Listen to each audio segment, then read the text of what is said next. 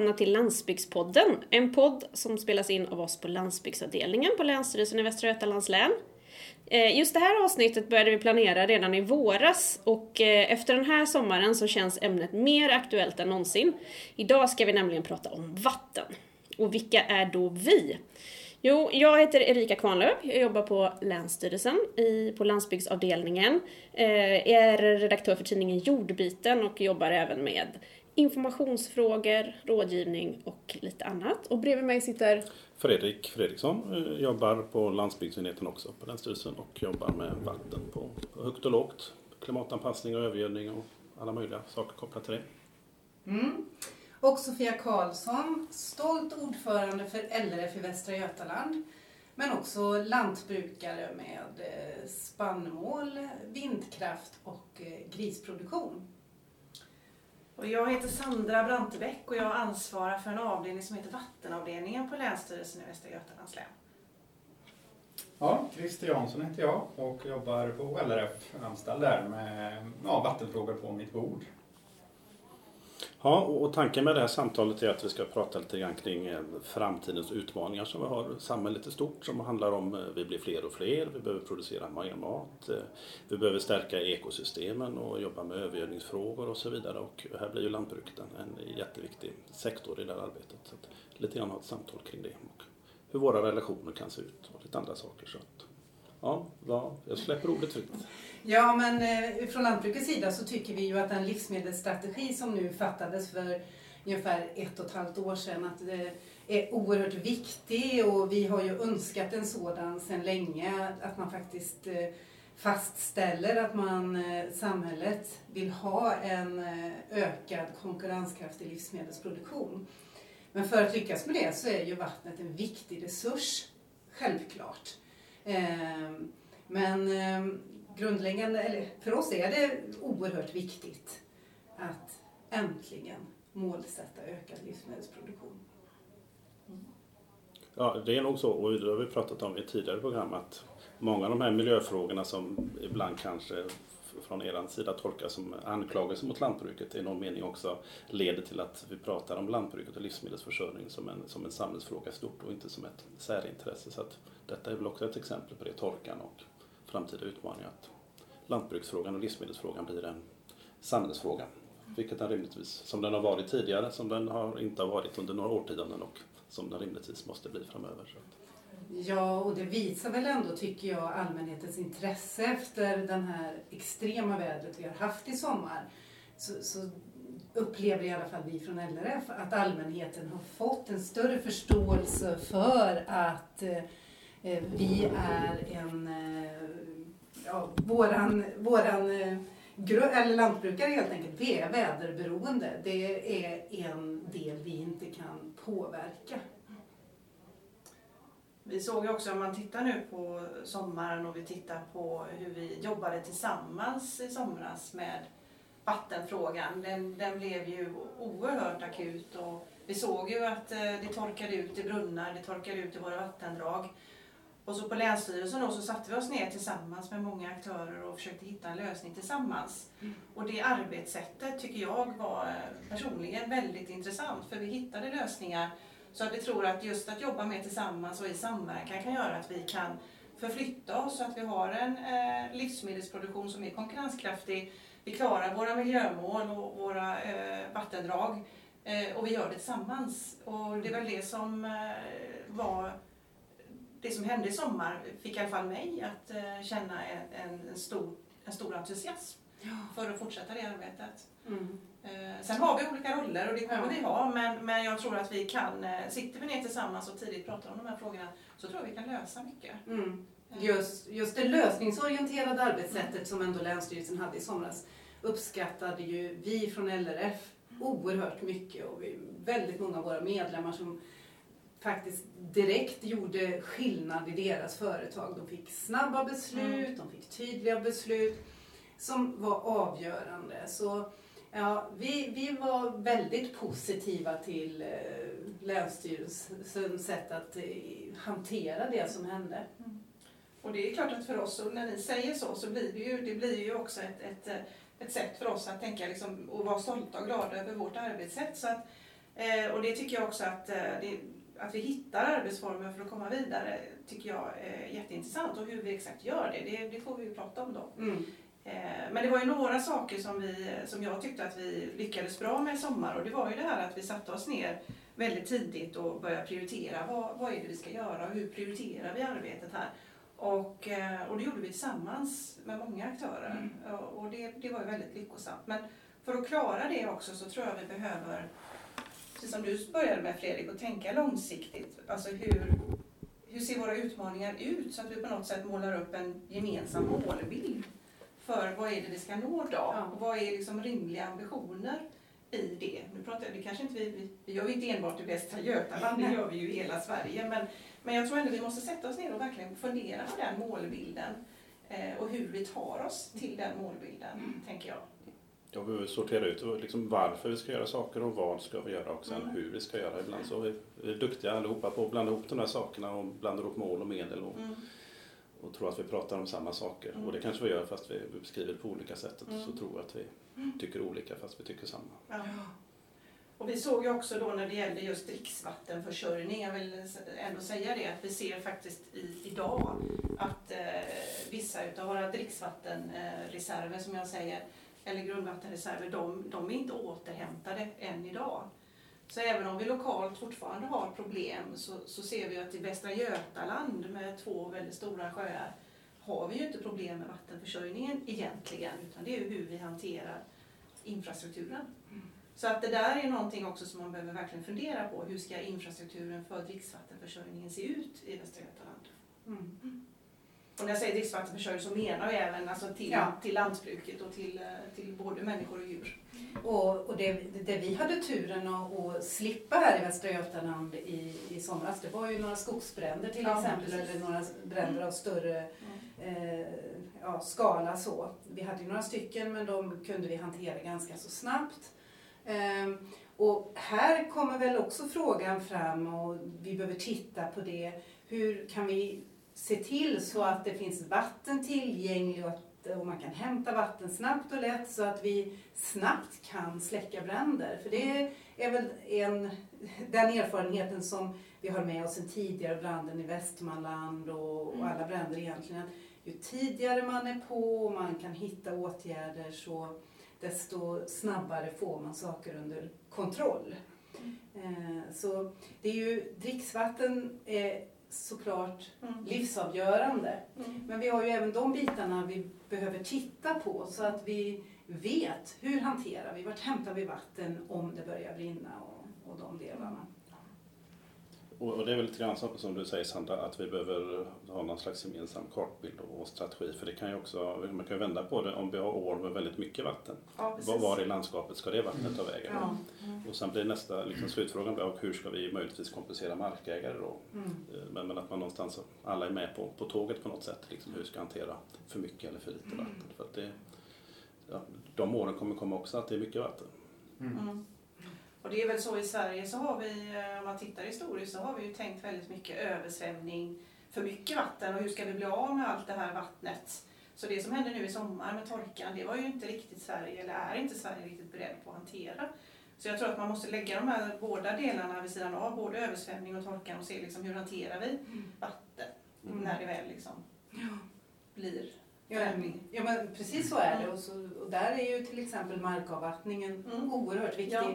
Det kan man ju konstatera även ett år som det här så tänker man ju att där det var väldikat då, där skulle det möjligtvis växa sämre. Ja. Men om det var något år man skulle gå ut och ta foto på vart man hade sina dikningar i marken Så var det. så var det i år. För där växte det helt klart bäst där det var väldikat. Det syntes väldigt tydligt i Mm. marken. Det blir inte torrt då eller? Alltså- Nej, tvärtom. Det växte bättre där Okej. som det var väldränerat. Då. Ja, okej. Eh, Så, så den delen ser ju vi från lantbruket Mm. framåt. Det är oerhört viktigt att vi skaffar förutsättningar och möjligheter för lantbrukare att än mer eh, ha vettig markavvattning, alltså täckdikning och ehm, för ja, man, man trodde tvärtom. Ja, jo, det är precis det tänker jag när du berättar nu Sofia. Att, man tänker tvärtom. Men, eh, ja.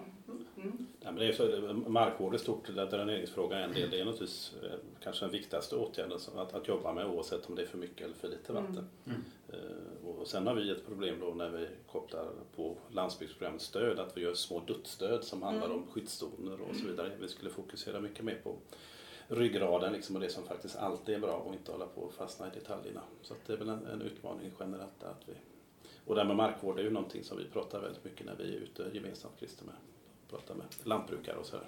Ja absolut, och det, den, den är ju väldigt central i, i, i hela det här systemet. Och, eh, om man tänker hela vattnets eh, infrastruktur, den, den, den byggde vi om i början på 1900-talet. Eh, med statens, det var staten som, som initierade det och, och nu kanske vi måste bygga om den lite grann för att passa dagens förutsättningar och dagens klimat. Och det är klart att det, det är en jätte infrastruktur, infrastruktursatsning som måste göras egentligen då för att anpassa detta. Och det, det kommer att ta tid mm. Eh, att göra det. Och, och det krävs ju ganska stora insatser. Mm. Och det tror jag det är lätt att glömma bort eh, hur staten har, faktiskt drivit fram den landskapsbild och den avvattning som vi har. Det var ju liksom för att vi skulle skaffa mer mm. areal för att eh, öka livsmedelsproduktionen. Mm. Så har vi under kanske några år liksom förträngt eller glömt bort det från kommuner och staten. Liksom, och så gnäller vi på lantbruket kanske. Då, liksom att, att jag tror att det är viktigt att ha med sig den historien att det är faktiskt staten som har betalt och uh, talat om att ni ska ha tekniken, ni ska skapa markavvattningsföretag. Mm. Uh, och det är faktiskt väldigt stora summor. Marcus Hoffman som, som jobbar hos er centralt med vattenfrågor, han gjorde en figur när han eh, doktorerade kring hur mycket pengar staten har lagt ner på att torrlägga landskapet och mm. jämför hur mycket vi använder för att blöta ner. Mm. De proportionerna är faktiskt enormt, eller skillnaden är enormt stor. Mm. Och det, det måste man ha med sig när man pratar om det här. För att återigen, det, det blir en viktig samhällsfråga detta. Mm. En infrastrukturfråga precis som bredbanden kanske. Mm. Eller vad ska jämföra. Ja. Eh, just att just bra markvård är ju egentligen den viktigaste förutsättningen för att lyckas med den ökade livsmedelsproduktionen. Eh, som sagt, mm. Eh, det, det, det, är väldigt tydligt så. Där, men där går ju eh, miljöarbete och produktion i hand i hand när man pratar om markvård. Ja. För, för att ska, ska vi få minskat, alltså maximalt utnyttjande av växtnäring och minska läckage så är ju markvård centralt för att mm. nå det målet. Och det ger en bättre gröda som tar upp växtnäring och ger förhoppningsvis mer pengar till bonden. Ja. Att, ja.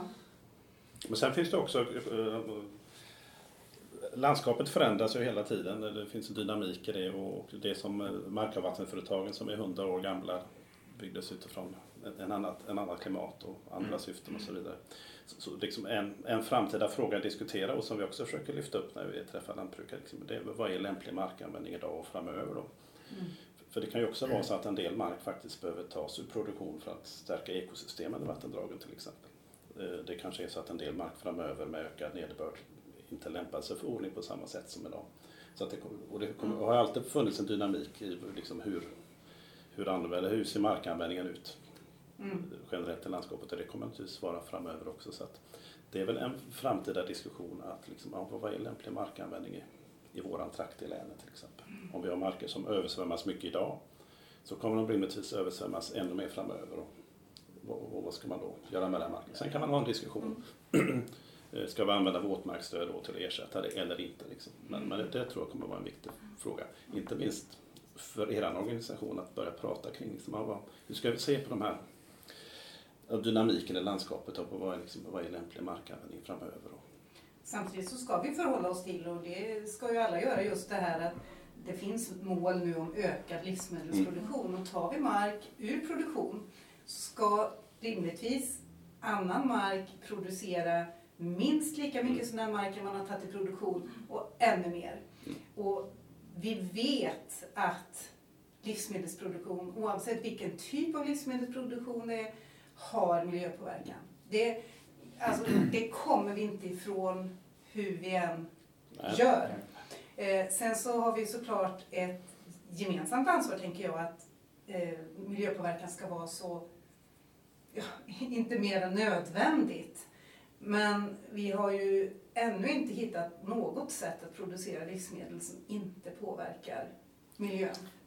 Och sen eh, anser ju vi att det finns ju ett ökat, det finns ju ett miljöutrymme i Sverige för att producera mer mat eh, så att säga, jämfört med våra konkurrentländer som idag så, så den mat vi äter den belastar ju andra länders vatten. Eh, Ja. Och det är bättre att, han kan, att vi tar ansvar för helheten här i, i Sverige då och kun, kunna producera det. Vi behöver äta det här då. Ja. Men hur, hur, alltså, är det inte tricket då att försöka hitta balansen då mellan den ökade livsmedelsproduktionen Alltså det, för det, det måste ju finnas någonting här som man kan hitta. Eh, ökad livsmedelsproduktion, eh, klara miljömålen, alltså på något sätt ändå diskutera sig fram till lösningar. Eller ser ni att det, det inte... Är det så pass motstående intresse så att det inte går? Eller? Ja, men alltså en, en fråga som man måste ställa sig är att vi, alltså om vi pratar om fosfor som är of- ofta nämnt, som, som tas upp då som det finns mål om att minska. Så om man tittar de senaste 30 åren så har vi gjort väldigt mycket åtgärder Mm. för att minska fosforläckage och vi har minskat djurhållningen drastiskt Mm. i Sverige de sista Mm. 30 åren. Vi har gjort otroligt mycket och ändå ser vi inga resultat i de större vattendragen. Vad beror det på? Och, och det, det, det verkar som att vi har någon kunskap som fattas här. Ja. Vad, vad är det som gör att vi inte ser en förändring? Det kan, alltså det, nu vet jag inte om det är lösningen eller, eller vad är det vi inte ser. Men, men eh, vi har ju någonting som vi kallar för, vi säger internbelastning. Det är ett svårt ord, man vet inte riktigt vad det betyder. Men det betyder ju att det finns, om man säger gamla synder, om man får uttrycka Mm. som så, i våra sediment, i våra sjöar som ligger och läcker. Och detta är någonting som man har lyft fram nu på senare år i vattenförvaltningsarbetet. Att titta på internbelastningen. Kan man, kan man liksom göra någonting för att komma åt de här eh, föroreningarna? Kan man lyfta ut dem eller kan man frysa dem? Eller vad, vad gör vi åt dem? För de ligger och läcker. Mm. Så, och sen är det också så att eh, vi har ju nu i Sverige idag en utredning som pågår när det gäller miljöövervakning. För vi ser ju att, att vi inte vi har inte tillräckligt med data för att kunna se och följa alla trender. Eh, vi skulle behöva utöka den, men, men, men hur gör vi det? För det är ju ingen idé att vi gör det ett år eller två år, utan man behöver ha serier på 20-30 år. Mm. Eh, så att jag tror ju att man eh, eh, att man kan hitta, jag, jag tror ändå att man kan hitta lösningar. Jag tror ju på att vi kan öka den eh, livsmedelsproduktionen och samtidigt komma till rätta med våra miljöproblem. Eh, jag tror att lösningarna finns. Om vi sätter oss ner och samverkar och pratar Mm. gemensamt, hur, hur hittar vi dem då? Ja, men det är ju att hitta orsaken då, vad det är Ja. som gör att, att halterna inte funkar. För, Nej.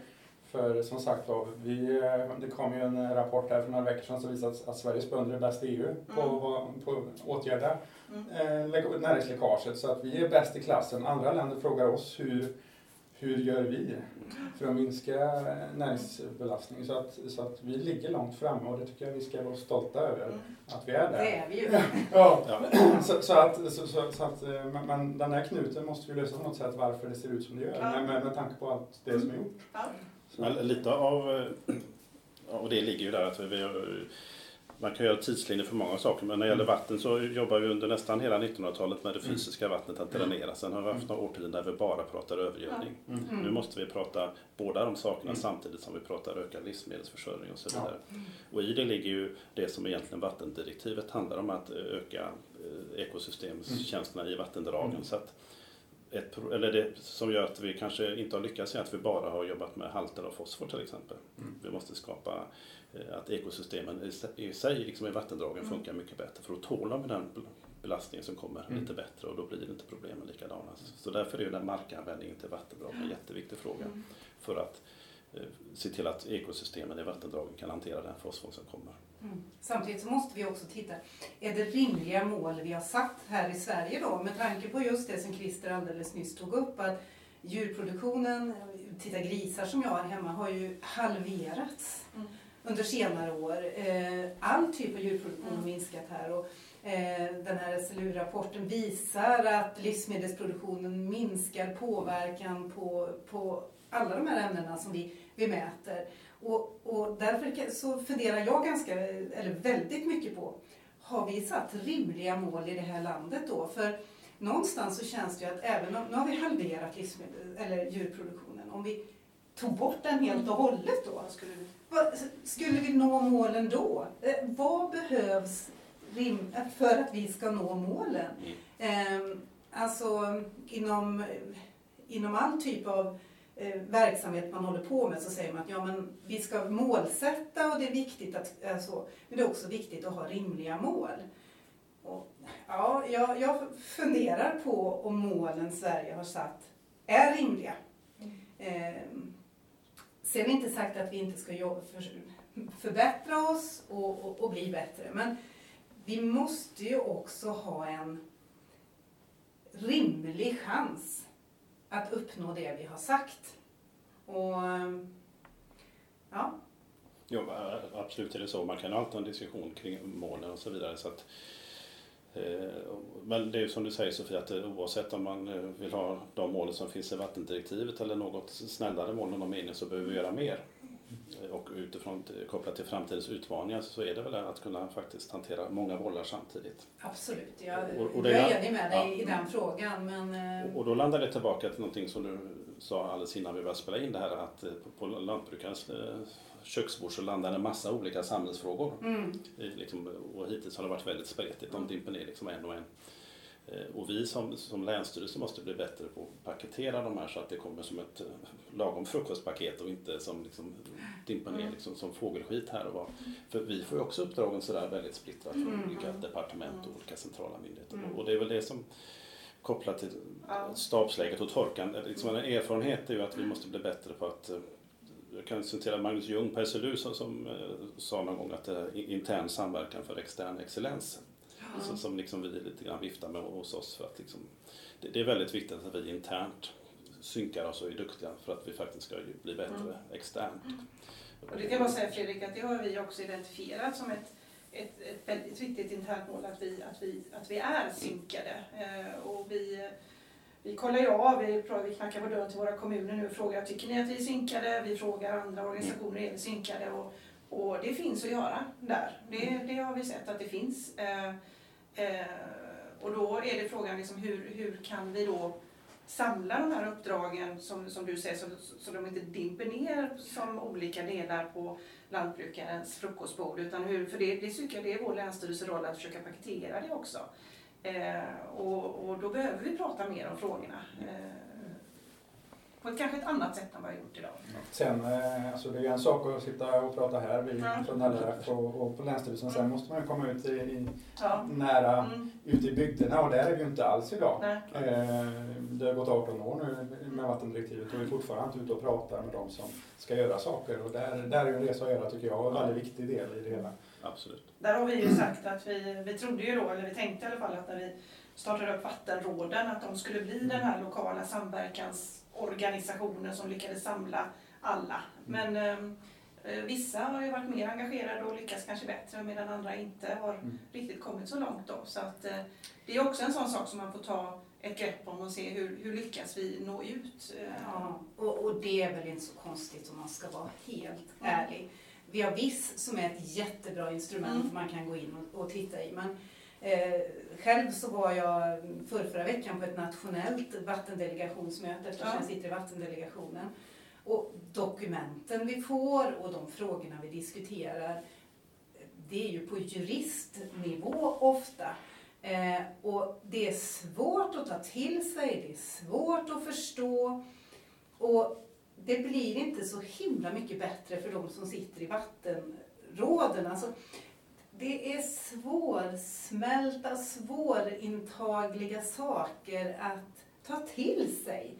Där tror jag att man behöver göra mycket. För, för som, som lantbrukare då man sitter där, så, så, du sitter med någon information där som du inte riktigt... Ja, det är svårt att ta in konsekvenserna av det. Och det enda du förstår är att det här kommer kosta mig en himla massa pengar. Det, det, det är möjligtvis det du förstår. Men vi har, en kommunikation, vi har ett kommunikationsproblem där. Absolut. Vattenråden skulle ju fungera. Det skulle fungera, ja. det, det, var tänkt så. Men, men, mm. men, men hur kan vi då, om vi bara liksom landar i den frågan lite grann då. Hur, hur, kan, hur kan vi bli bättre på det? Och hur kan ni, till exempel som LRF, hjälpa oss med den kommunikationen utåt? Eh, kan ni det? Eller eller hur, hur hittar vi liksom mm. samverkansmöjligheter? Men det gör vi ju, eller ja, vi gör ju det. Jag och Fredrik har ju arrangerat en hel del möten ute och, och just öppnar upp dialogen kring de här frågorna och mm. försöker ju anlägga ett ganska brett perspektiv på att mm. vi ser helheten och inte pratar övergödning till exempel utan man pratar allt. allt. Mm. Så, så, att, eh, och försöker landa i att att de som företagare ska bli bättre förberedda och mer robusta inför kommande beslut. Ja. Eh, och, och, och förhoppningen är, det, det, sånt här tar ju tid alltså. Det är inget som sker på ett år utan det, det är ett långsiktigt arbete man måste göra för att komma framåt. Mm. Sen har vi ju den här satsningen som har vi nu som jag tycker är spännande Mm. med, med där vi ska få en åtgärdssamordnare i en bygd och som ska prata med de som finns där och det är ju någonting som Ödra har jobbat med i en längre tid för att få till ett sånt här projekt. Eller det ska bli ett långvarigt arbetssätt och det eh, ska bli spännande att se hur det faller ut. Ja, men jag, jag, jag har inte hört någonting än om, om, det, om det har kommit något. Men Ja, det är inte officiellt än men vi det är vet. inte officiellt. men vi vet. Ja, spännande. Mm. Men, och nästa vecka ska vi, hjälper jag till att ordna en workshop med vattenmyndigheterna som, angående underlagsmaterial. För jag precis som, min bild är precis som din Sofie, att vi, vi, vi är jätteduktiga att beskriva saker på nationella nivån. Det är Mm. fyrkanter liksom, och kantigheter och, och, och som fyller det syftet där. Mm. Men sen har vi liksom ingen översättningsmekanism eh, som gör att inte ens på Länsstyrelsen är det alltid så himla lätt att förstå hur ska man förhålla sig till, till vissa. Alltid liksom. Man måste faktiskt förstå hur man har tagit fram eh, grunderna i viss för att förstå vad det egentligen säger. Liksom. Mm. Och, och samtidigt är det som du också säger Sofia, viss är ett fantastiskt, vi har aldrig vetat så mycket om våra vattendrag som vi gör idag. Det är ett Mm. fantastiskt kunskapsunderlag och det är så man ska se det. Mm. Sen kan man inte gå på decimalerna men man kan se att ja, men här har vi mer problem än där. Jag tänker om det är någon som lyssnar som inte vet vad viss är så kanske... Det, Är du chef på avdelningen för vatten? det är Vatteninformationssystem Sverige står det för och det är alltså man kan säga ett, ett underlag, alltså det, det, det är mycket kartor och i kartorna så finns det liksom eh, information om hur vattendragen ser ut och det, det finns både miljöövervakningsdata, det finns hur man klassar vattendragen, det finns eh, flöden och så vidare så man kan gå in och klicka fram sitt vattendrag. Sen är det inte alltid så att upplysning, upplösningen är precis på sin gård eller sitt företag utan det kan vara lite större så. eh, Så det får man tänka på. Men vad jag har hört är att an- användar, alltså man har blivit mer van att använda det här kortmaterialet men det kanske i vissa lägen skulle behövas ett, ett skikt emellan som gör det mer användarvänligt då. Eh, Och det vet jag att vi pratar om. Mm. Och nu är det så att det är eh, från och med ett antal år tillbaka så är det Havs och vattenmyndigheten som äger systemet medan vi som länsstyrelserna matar det med information. Och, och man kan ju alltid ställa sig frågan, blir vi klokare med ytterligare ett GIS-skikt? Jag vet, ja. Jag, jag, någonstans ska vi kanske landa hemma hos, hos lantbrukarna och ta fram kunskaps, lokal kunskapsunderlag för att fatta kloka beslut på gårdsnivå. Mm, mm, Och i den bästa världen har vi sån tillit till, till Mm. varandra att vi från den, den lokala nivån kan bygga upp till regional nivå för då har vi liksom alla de här skadnivåerna som, Mm. som, egentligen saknar. mm. Och det, och det bygger på att vi har tillit till varandra, att det inte finns en misstänksamhet att nu kommer vi använda det för tillsyn sen. Till för, för det är ju som så att de, de bästa åtgärderna är ju alltid de åtgärderna som vi gjorde. Mm. Eh, alltså, och som verkligen är så. Och ett incitament för att åtgärder ska bli gjorda är ju att lantbrukaren förstår varför ska jag göra den här och i allra bästa fall så är det win-win för lantbrukaren. Han, han eller hon eh, liksom kan direkt räkna hem den åtgärden som man har gjort. Det, det är de allra bästa. Men kan man få, få direkta underlag och förstå att jag gör den här eh, insatsen nu och den kommer jag ha vinning av inom fem år eller en, en rimlig tid i alla fall. Då. Eh, så tror jag också att det är ett incitament för att åtgärden verkligen blir gjord. Men det är klart att om någon kommer hem till mig och säger att ja, du ska anlägga 17 våtmarker, så här mycket kantzoner och du ska göra eh, flerstegsdiken och alltså då, då blir jag ju så här, va? Varför ska jag göra det här?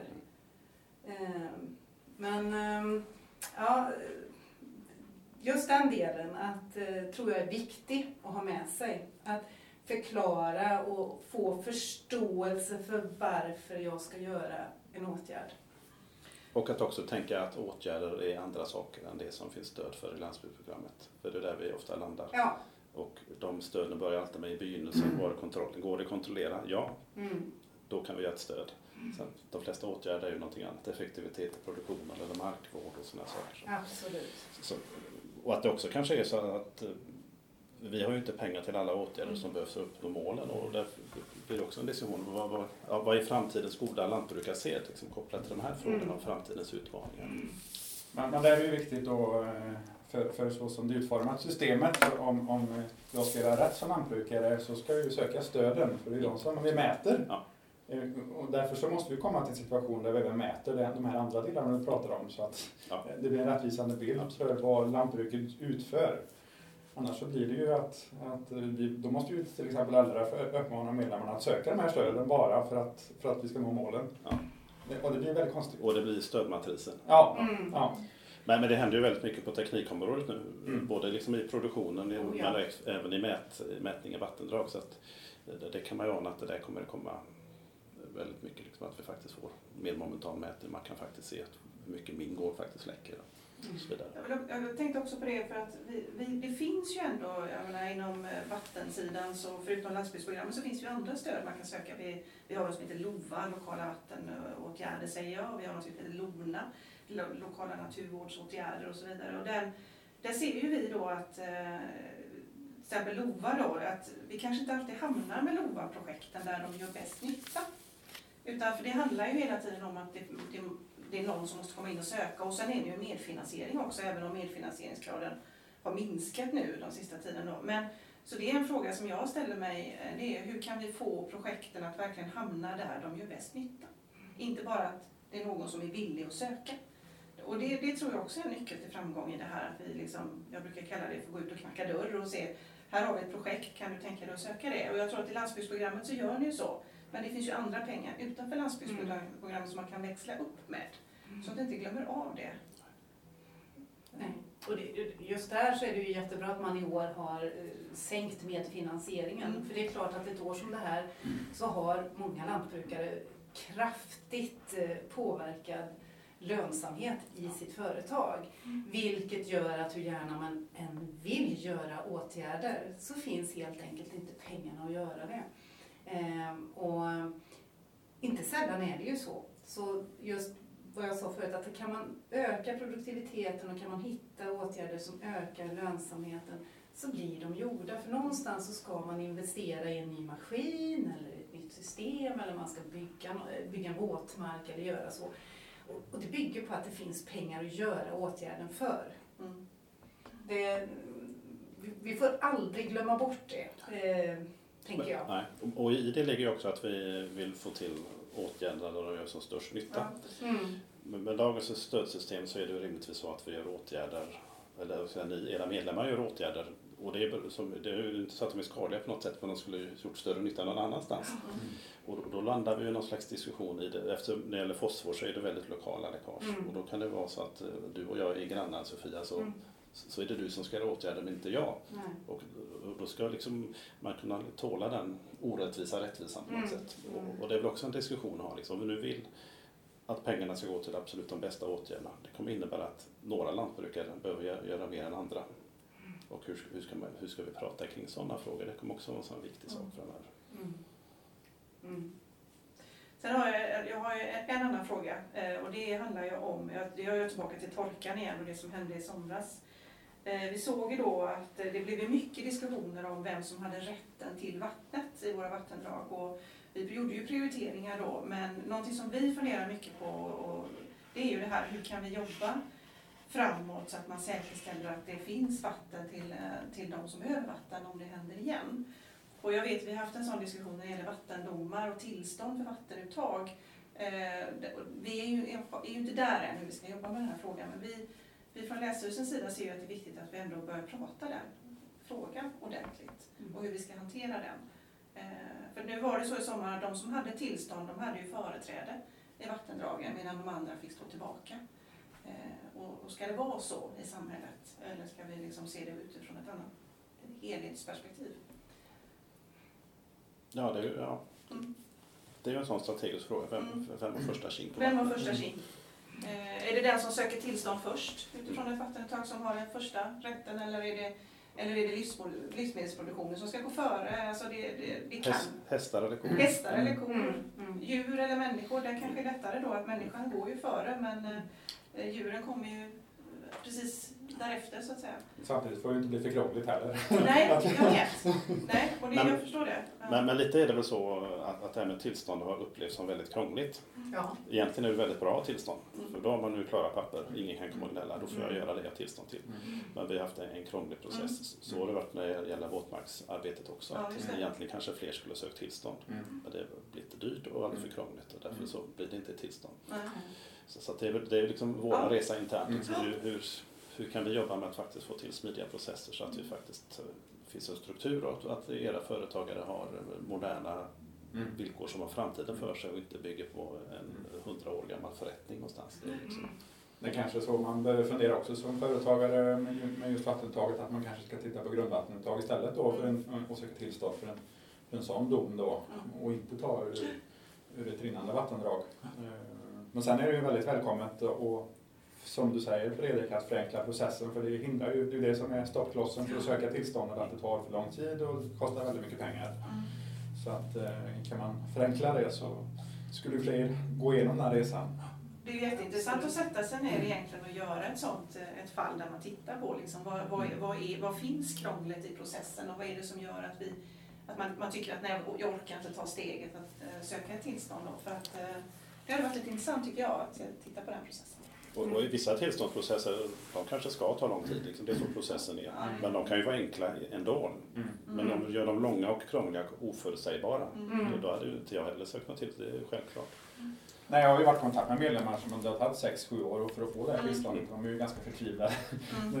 vid det laget. Men, men eh, alltså man får ju räkna grundkostnaden någonstans, brukar man prata om någonstans 300 000 för att få det här tillståndet. Det är klart att då måste du ha en viss typ av verksamhet som kan bära de kostnaderna. Mm.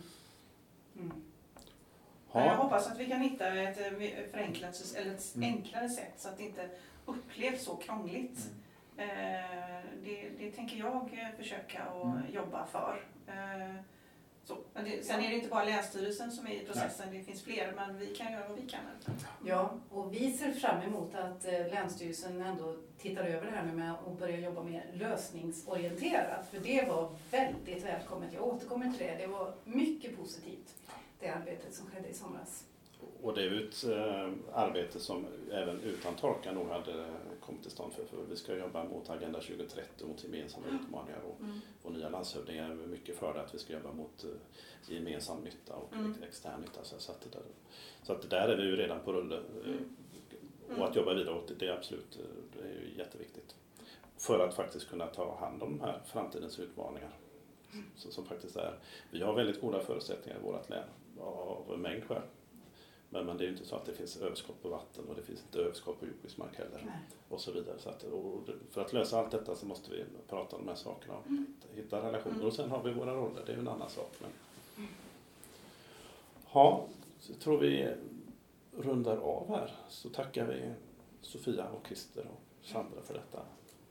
Mm. Ja, och det här är verkligen högaktuella frågor och eh, diskussionerna och arbetet tar inte slut även om just det här poddavsnittet gör det. Och eh, vi fortsätter att samverka och kommer att jobba vidare med frågor som rör vårt livsviktiga vatten. Tack för att ni har lyssnat!